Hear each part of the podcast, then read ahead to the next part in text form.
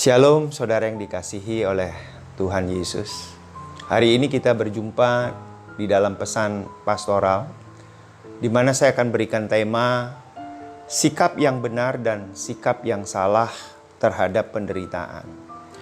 Jika Tuhan izinkan penderitaan itu terjadi di dalam kehidupan kita, apa pun faktor penyebabnya, maka kita harus memahami sikap yang benar dan sikap yang salah terhadap penderitaan itu. Dan kita mau meresponi dengan sikap yang benar. Seperti yang dikatakan oleh firman Tuhan dari Roma pasal 12 ayat yang kedua, Janganlah kamu menjadi serupa dengan dunia ini tetapi berubahlah oleh pembaruan budimu sehingga kamu dapat membedakan manakah kehendak Allah, apa yang baik, yang berkenan kepada Allah dan yang sempurna.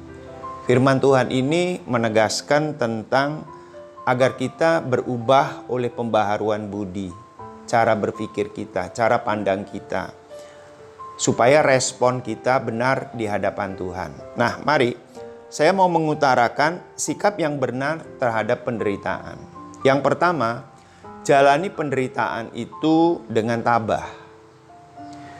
Firman Tuhan katakan di dalam ratapan pasal yang ketiga ayat 24 sampai 26, Tuhan adalah bagianku, kata jiwaku. Oleh sebab itu aku berharap kepadanya, Tuhan adalah baik bagi orang yang berharap kepadanya, bagi jiwa yang mencari Dia adalah baik menanti dengan diam pertolongan Tuhan. Saudara, kadang penderitaan itu atau kesesakan itu datangnya tiba-tiba dan tidak bisa dihindarkan. Nah, respon kita adalah jalani penderitaan itu dengan tabah. Nah, yang kedua, respon yang benar atau sikap yang benar terhadap penderitaan Berdoalah agar Tuhan memberikan kekuatan untuk menghadapi penderitaan. Yakobus pasal 5 ayat yang ke-13 mengatakan, "Kalau ada seorang di antara kamu yang menderita, baiklah ia berdoa, kalau ada seorang yang bergembira, baiklah ia menyanyi." Nah, Saudara, kita perlu berdoa kepada Tuhan agar Tuhan memberi kekuatan kepada kita menghadapi penderitaan itu. Tapi yang ketiga, sikap yang benar menghadapi penderitaan. Bagi kita penderitaan bukanlah sesuatu yang mengherankan. Mengapa? Karena sudah tercatat di dalam Alkitab kita. Mazmur 34 ayat yang ke-20.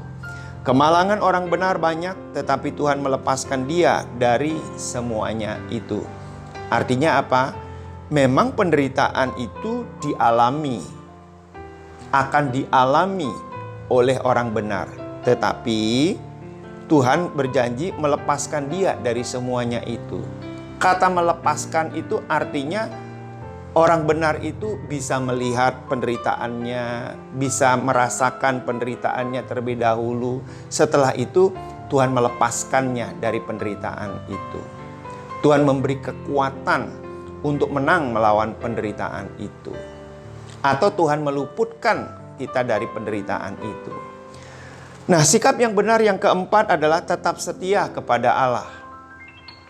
Mazmur 119 ayat 143 menyatakan, Aku ditimpa kesesakan dan kesusahan, tetapi perintah-perintahmu menjadi kesukaanku. Sementara penderitaan itu Tuhan izinkan terjadi, tapi sementara juga kita tetap setia kepada Allah. Artinya Walaupun di dalam penderitaan, kita tetap setia kepada Allah.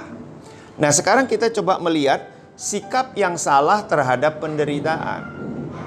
Nah, saudara, ketika kita salah di dalam bersikap terhadap penderitaan, maka apa yang terjadi? Yang sering dilakukan oleh orang-orang yaitu apa? Putus asa. Yang kedua mengeluh. Yang ketiga kepahitan. Yang keempat menyerah dan yang kelima meragukan Tuhan.